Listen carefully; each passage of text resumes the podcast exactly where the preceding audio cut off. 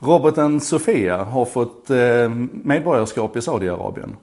Och även om det här hände redan i onsdags, torsdags förra veckan så har det pratat alldeles för lite om det och framförallt har det tänkts alldeles för lite på det här. Vi har inte dragit fram de här linjerna till vad det här handlar om när det gäller globala medborgarskap och, och sådana saker. Men det kommer vi till. Först lite grann om Sofia. Hon är alltså en, en förkroppsligad artificiell intelligens, förvisso på ett väldigt basalt plan. Hon är duktig på NLP, Natural Language Processing, sånt som vi har pratat om tidigare här. Men hon är egentligen en ganska grund AI, en ganska grund artificiell intelligens.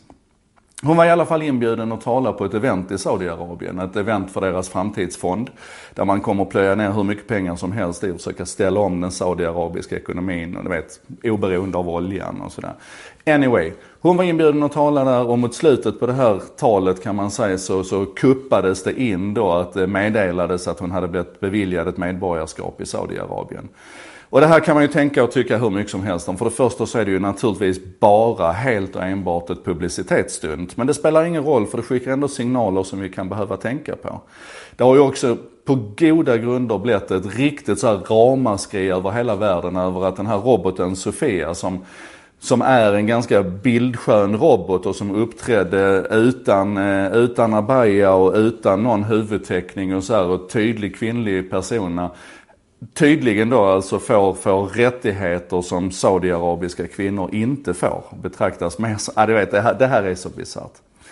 Men utifrån det här att, att Saudiarabien ger medborgarskap till en robot så kan vi väl börja fundera lite grann över medborgarskap. För om det där bara var en signalgrej och en PR-kupp så finns det någonting i vårt närområde som är mycket, mycket reellare och riktigare och viktigare och på många sätt mer spännande.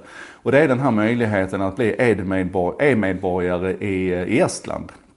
Det är ett enkelt ansökningsformulär du går igenom på nätet. Du får lägga upp en passbild på dig själv, du får skicka med någon form av identitetshandling och du får intyga på heder och samvete att, att allting är rätt och stämmer. Och sen så gör de en process där de, där de granskar dig och ser att du inte verkar vara brottsligt belastad och så vidare. Och sen inom 30 dagar ungefär så får du gå och hämta ut ditt, ditt fysiska, ehm, eh, eh, din fysiska identitetshandling med eh, biometri och allting inbyggt i.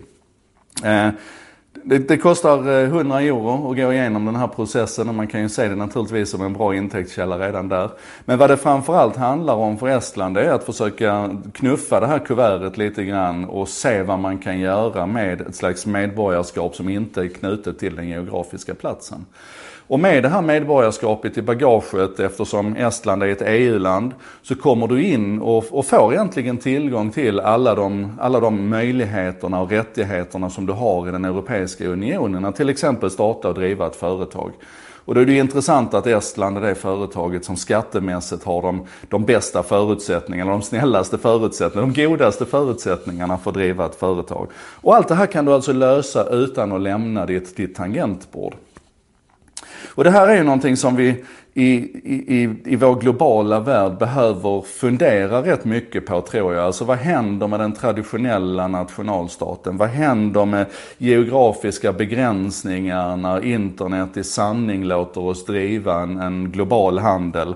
Vad händer med de de begränsningar som vi har försökt skjuta in hittills som geografiska skillnader. Jag menar vem som helst kan konstatera att att på Netflix så kan jag se vissa filmer om jag använder en VPN-tjänst så det ser ut som att jag kommer ifrån USA istället för från Sverige. Ett helt annat utbud. Eller om jag vill handla på Amazon så stöter jag ofta på att den här produkten kan vi inte skeppa till Sverige då av olika skäl och då skeppar jag den till Borderlinks istället som är min lilla, min lilla brevlåda i USA och sen därifrån packar de om det och skeppar hem det. Så alltså vi har så många tjänster och så många möjligheter idag att slå sönder den här traditionella idén om national nationalstaten. Men riktigt spännande blir ju det här när vi börjar prata om saker som, som skattefrågor, juridiken och, och hur ska vi liksom hantera en global värld där. Och det som, det som staterna naturligtvis är mest intresserade av det är ju skattefrågorna, möjligheten att taxera företag och individer. Och om vi då liksom lägger lite bitcoin och lite blockchain och så på det här också så ser vi hur det går sönder. Det jag vill att du ska göra nu är att du ska signa upp. Det finns en snubbe som heter Per Håkansson. Jag kommer att lägga en länk här i, i beskrivningen. Signa upp på hans nyhetsbrev som egentligen är fokuserat runt blockchain, alltså blockkedjan. Men som också handlar oerhört mycket om det här med hur vi lever våra liv och kan leva våra liv som, som globala medborgare idag utan att ha en, en fysisk nationalstatshemvist. Det är det vi ska ägna oss åt idag.